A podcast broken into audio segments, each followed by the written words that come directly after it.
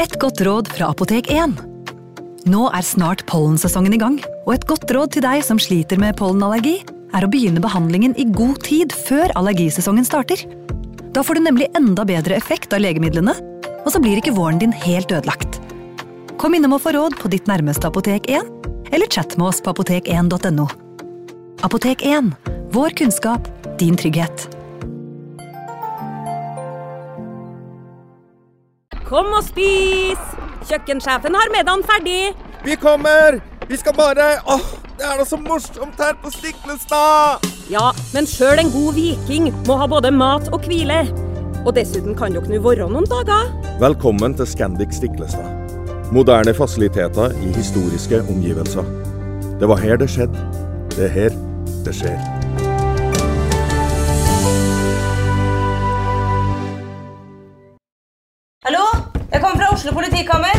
Ine Jansen er purk. Er du purk? The motherfucking bitch. Alt jeg vil, er å finne ut hva som skjedde med mannen min. Jon Carew. Er jeg sikta for noe? Iben Akeli. Det er du. Ole So, Lars Berrum og Big Daddy Karsten. Hvem sin side er du på, egentlig? Anette Hoff, Tone Danielsen, Kommer du fra Afrika? Jørnis Josef, Nesten kløfta. Trond Espen Seim, Det er synd å si det, men det var feil mann som døde. Purk. Premiere tirsdag på TV2 Play. Advarsel. Historien du nå skal få høre, er basert på virkelige hendelser og inneholder flere grafiske skildringer av vold, drap og tortur.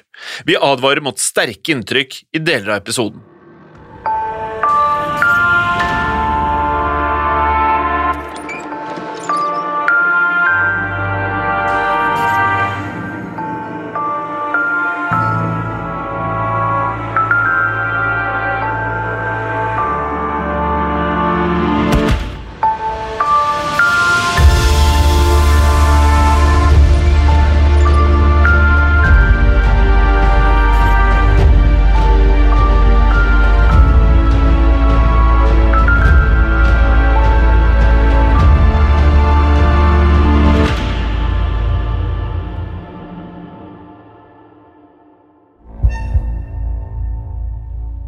Det gikk mot slutten av oktober 1989 da Stephen Carrin var ute og padlet langs Brisbane River i Australia. Solen var akkurat i ferd med å stå opp da han la merke til noe på en av bryggene langs elvebredden. Han så snart at det var et menneske, og bestemte seg for å ro nærmere for å undersøke. Den unge mannen antok at det var noen som hadde falt og slått seg, eller kanskje en mann som hadde drukket litt for mye. Etter å ha rodd litt nærmere så han alt blodet som hadde rent utover bryggen. Like ved sto det også en bygning hvor dørene var malt røde av blod. Steven forsto umiddelbart at dette hadde vært åstedet for en grusom forbrytelse. Da politiet ankom, forsøkte de å fastslå hva som hadde skjedd. Det de fant, sjokkerte en hel verden. Edward Baldock var nesten naken og lå på magen i et hav av blod. Han hadde et dypt gutt i nakken, som nesten hadde skåret helt gjennom mark og bein. Kuttet hadde skåret over hovedpulsåren, som hadde forårsaket den ekstreme mengden blod på åstedet. Det var bare så vidt hodet fremdeles var festet til kroppen. Selv om dette kuttet hadde vært nok til å drepe Edvard, hadde gjerningspersonen fortsatt å angripe ham. I tillegg til kuttet som nesten hadde kappet av hodet, var det flere skader som var påført av en mindre kniv. Det var fem kutt i nakken og åtte i ryggen og skuldrene. Gjerningspersonen hadde også forsøkt å skjære over strupen hans og stukket han gjentatte ganger i siden. Det siste angrepet så ut til å være rettet mot hjertet. Flere av stikkskadene var så brutale og utført med så stor kraft at det var store blåmerker der håndtaket slo mot kroppen. Det var også tegn til at gjerningspersonen hadde stukket fingrene inn i flere av kuttene. Det var likevel ikke de mange stikk- og kuttskadene som var det verste med åstedet. Det var nemlig blodige fingeravtrykk på Edvards hode, nakke og rygg. Snart forsto etterforskerne at gjerningspersonen hadde løftet han opp etter å ha forsøkt å kappe av hodet. Det var tegn til at morderen deretter hadde forsøkt å drikke blod fra det åpne såret i nakken. Etterforskerne prøvde å forstå hva som hadde skjedd. Edvards klær lå på bakken, men var pent brettet, og det så ut som han selv hadde kledd av seg. Like ved fant de også en sigarett som var røyket nesten helt ned til filteret. Det var ingen åpenbare tegn til hastverk eller kamp før det brutale angrepet startet. Det var derfor grunn til å tro at Edvard hadde blitt med gjerningspersonen hit frivillig. Selv om det var kort vei til nærmeste bolig, var det vanskelig å se hva som foregikk på bryggen i nattemørket. Antageligvis var dette årsaken til at gjerningspersonen hadde valgt dette stedet. Politiet fant Edvards lommebok gjemt et stykke unna bryggen. Den inneholdt fremdeles bankkort og kontanter, og det så ikke ut som gjerningspersonen hadde ønsket å rane han. Politiet antok at Edvard hadde forventet å ha sex med morderen, men at dette sannsynligvis ikke var en person han kjente fra før. Trolig hadde gjerningspersonen kun ønsket å drepe for egen nytelse. På åstedet fant politiet snart et annet bankkort som tilhørte en annen person. Dette ledet politiet til Tracy Wigington. Tracy ble født 4. august 1965 og vokste opp i Rockhampton nord i Australia. Da hun var syv år, innså moren at hun ikke klarte å ta seg av Tracy. Hun ble derfor adoptert av sine egne besteforeldre. De kunne heller ikke tilby trygge rammer for Tracy, og både slo og misbrukte henne. Etter besteforeldrenes død flyttet Tracy inn hos sin biologiske mor. Moren slet riktignok med å akseptere at datteren var lesbisk. Samtidig klarte ikke Tracy å tilgi moren som hadde latt henne bo hos de grusomme besteforeldrene. Det tok ikke lang tid før Tracy rømte hjemmefra og flyttet inn hos familien til en venninne. Tidlig i 20-årene begynte Tracy å endre seg. Hun klippet håret kort, kledde seg mer maskuline, svarte klær og kalte seg ofte for Bobby. I sin ungdom hadde hun vært utadvendt og positiv, men hun ble stadig mørkere til sinns. Tracy hadde vokst opp i et katolsk hjem, men tok snart avstand fra dette. Hun fordypet seg i stedet i hekseri og okkultisme. Tracy var en storvokst kvinne. Hun var kraftig bygd og over 180 cm høy. Kroppen hennes var prydet med en rekke tatoveringer. Flere av dem var av okkulte symboler. Det var vanskelig å ikke legge merke til henne. Da politiet ringte på døren hennes, fremsto hun som vennlig og imøtekommende. De fortalte at de hadde funnet bankkortet hennes og spurte om hun kunne huske hvor hun hadde mistet det. Tracy fortalte at hun hadde vært i en park sammen med to venninner. Hun hevdet at hun hadde satt seg på en huske og antok at kortet hadde falt ut av lommen hennes. Etterforskerne følte at hele forklaringen var litt for beleilig. De ble også overrasket over hvor rolig Tracy fremsto. Det var tross alt ikke vanlig prosedyre at politiet banket på døren for å levere tilbake et bankkort. De følte nesten at Tracy var forberedt på at de ville dukke opp. Politimennene fortsatte å stille spørsmål og bestemte seg for å undersøke Tracy sin bil. Her fant de et håndkle med noe som lignet på størknet blod. Dette var naturligvis med på å styrke mistanken. Politimennene fortalte Tracy at de hadde funnet bankkortet hennes på åstedet for et drap. De ba henne derfor om å bli med til parken så hun kunne vise hvor hun hadde vært kvelden før. Tracy ble med politiet og viste dem hvor hun hadde mistet bankkortet. Dette var en liten lekeplass bare noen få meter unna elven og bryggen. Hun ga fremdeles ingen hint om hun hadde vært vitne til et drap. Deretter dro de til politistasjonen, hvor de ba Tracy gi en full uttalelse og gjenfortelle alt som hadde skjedd. I mellomtiden forsøkte etterforskerne å slå sprekker i Tracy sin forklaring. Hun bodde sammen med to andre kvinner, og politiet bestemte seg for å ta en prat med dem også. De kunne fortelle at Tracy ikke hadde kommet hjem før halv åtte på morgenen. Hun virket svært preget av noe hun hadde opplevd. Etter hvert fortalte hun romkameratene at hun trodde at hun hadde sett et lik. Tracy trodde kanskje at hun hadde overlistet etterforskerne frem til hun ble konfrontert med disse påstandene. Dette ledet til nye avhør, hvor Tracy til slutt innrømmet at hun hadde sett liket. Hun hevdet at hun ikke hadde fortalt dette fordi hun fryktet at politiet ville prøve å koble henne til drapet. Før hun kunne forlate politistasjonen, hadde en annen kvinne tatt kontakt med etterforskerne. Politiet var allerede overbevist om at Tracy sto bak drapet. Lisa Petasjinski hadde nemlig fortalt hva hun og Tracy hadde gjort. Etter enda et avhør skulle Tracy til slutt innrømme at hun hadde drept Edward. Tracy innrømmet nå at hun hadde løyet til politiet. Hun fortalte at hun og Lisa var kjærester, og hadde valgt å utelate henne fra forklaringene for å beskytte henne. Nå innrømmer Tracy at hun hadde vært sammen med Lisa og de to venninnene Kim Jervis og Tracy Voe. Hun begynte nå å fortelle om drapet på Edward Baldock, men det virket samtidig som hun utelot flere detaljer. Edvard hadde vært svært beruset og kunne knapt stå da de fikk øye på ham. Han klamret seg til en lyktestolpe og veivet ved armene i håp om at en taxi ville stoppe. Tracy satt bak rattet og sakket farten for å tilby Edvard skyss. Han sjanglet bort til bilen, åpnet døren og satte seg i baksetet. Sammen kjørte de ned til elven, hvor Tracy lokket ham ned til bryggen. Hun fortalte at de andre tre kvinnene ble værende i bilen. Tracy mente at det bare skulle være en spøk hvor hun skulle lure Edward til å kle av seg.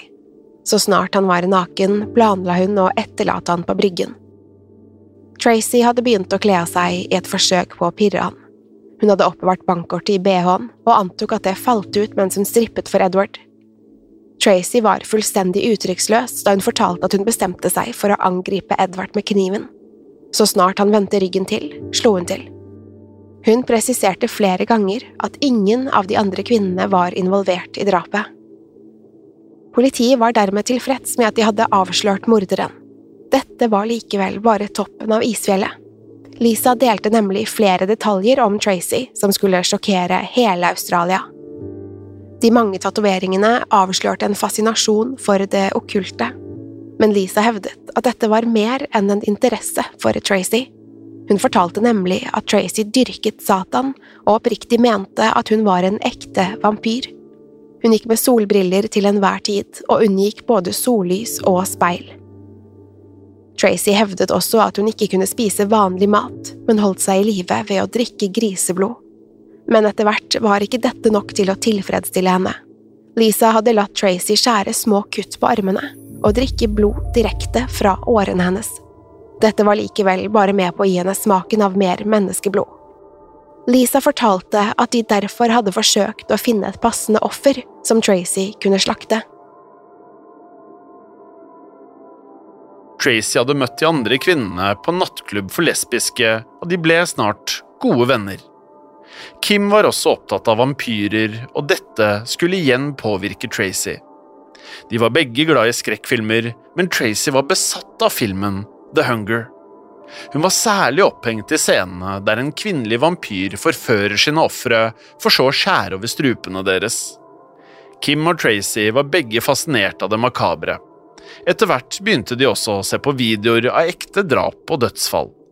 De spolte tilbake for å studere detaljene av hodeskaller som knuste, om igjen og om igjen. Det var Kim som først ga Tracy en dypere innføring i vampyrer, og dette tok besettelsen til nye høyder. Det var likevel først da Tracy møtte Lisa at livet hennes virkelig skulle endre seg. Lisa og Tracy hadde mye til felles. De var uvanlig høye, og begge hadde slitt med psykiske lidelser hele livet. Ikke minst var Lisa også opptatt av okkultisme. Lisa og Kim var begge medlemmer av en gruppe som utførte sataniske ritualer på de lokale kirkegårdene.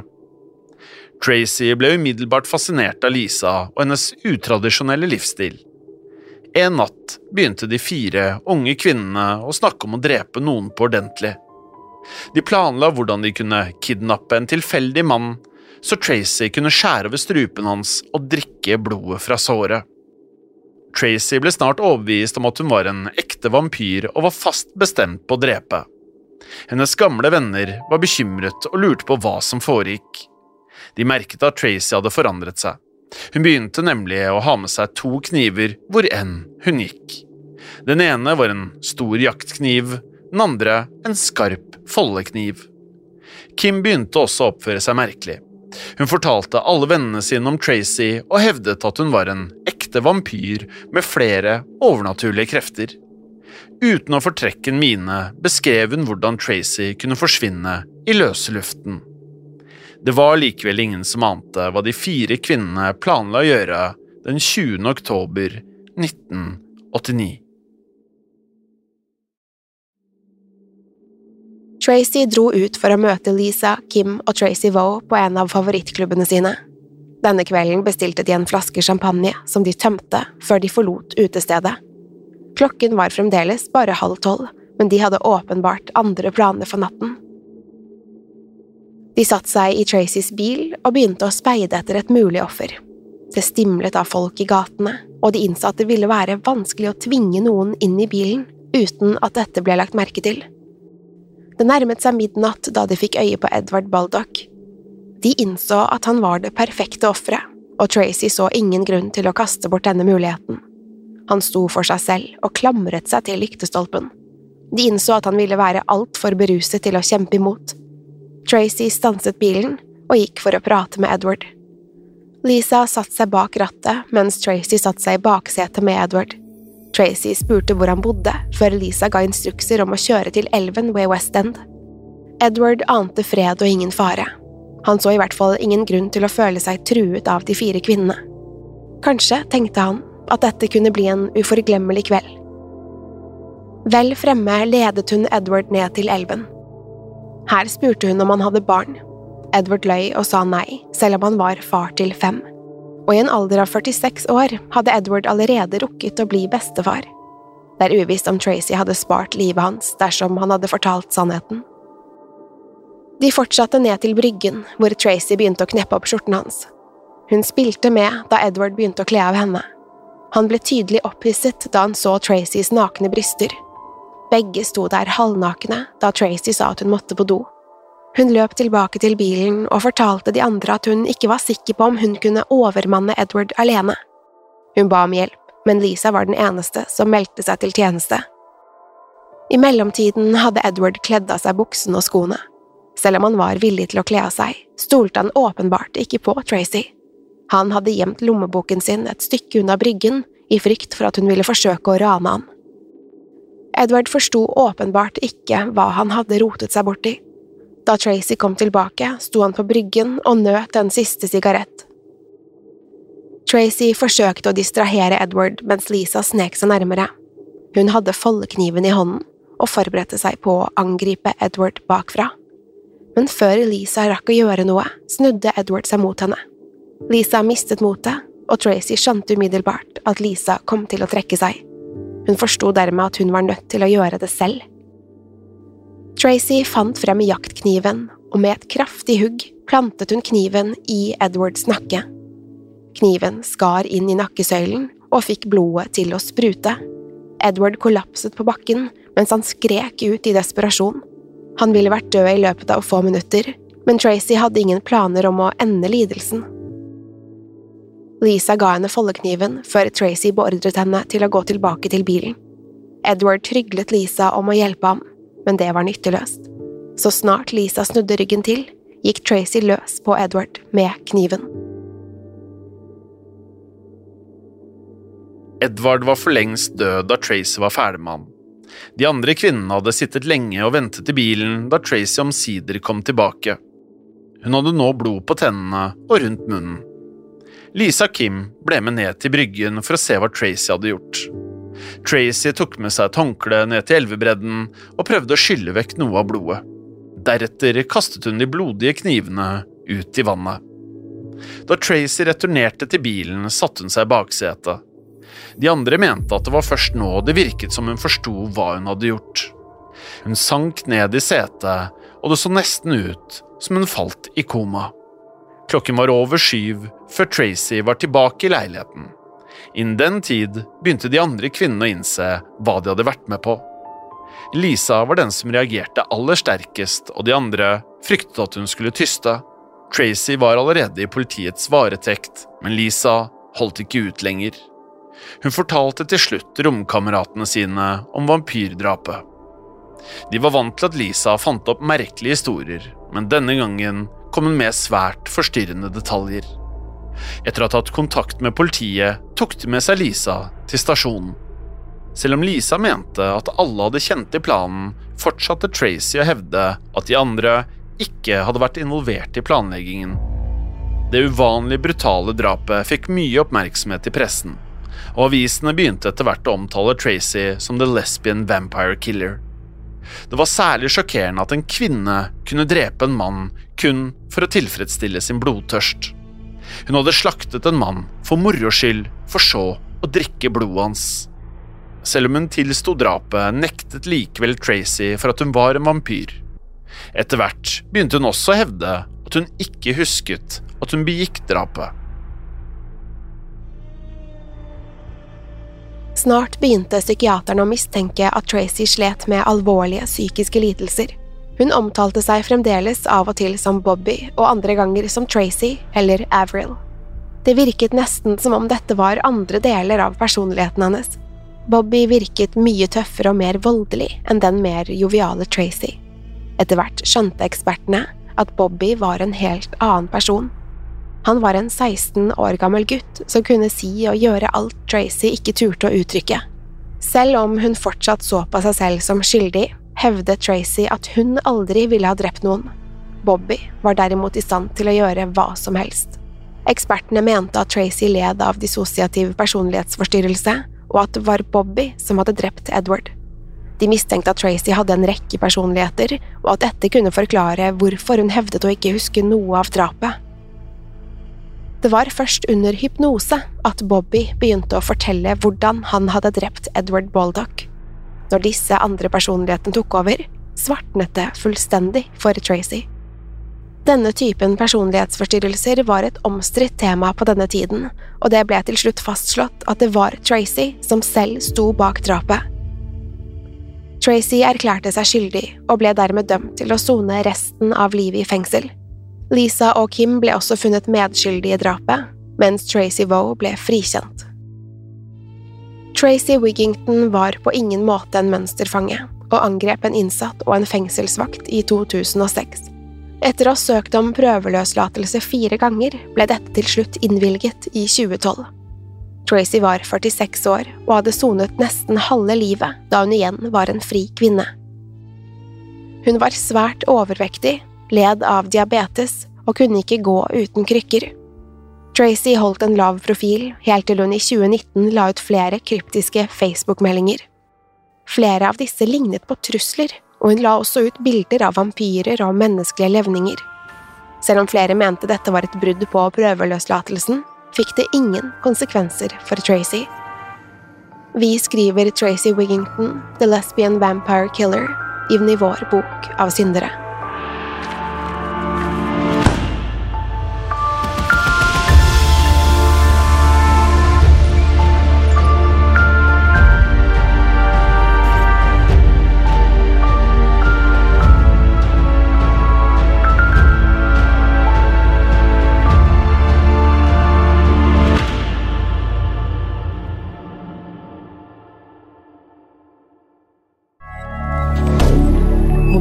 Media.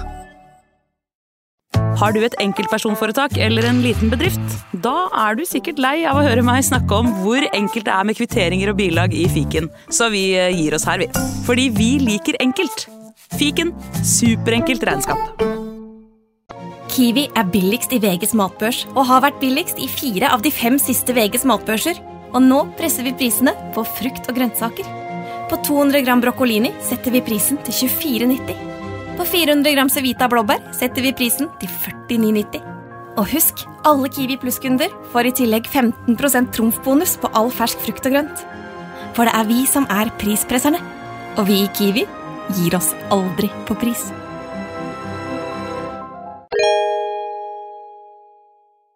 Hei, takk for at du lytter til Synderne. Skulle du ønske at du kunne høre en ny episode av denne podkasten hver eneste uke?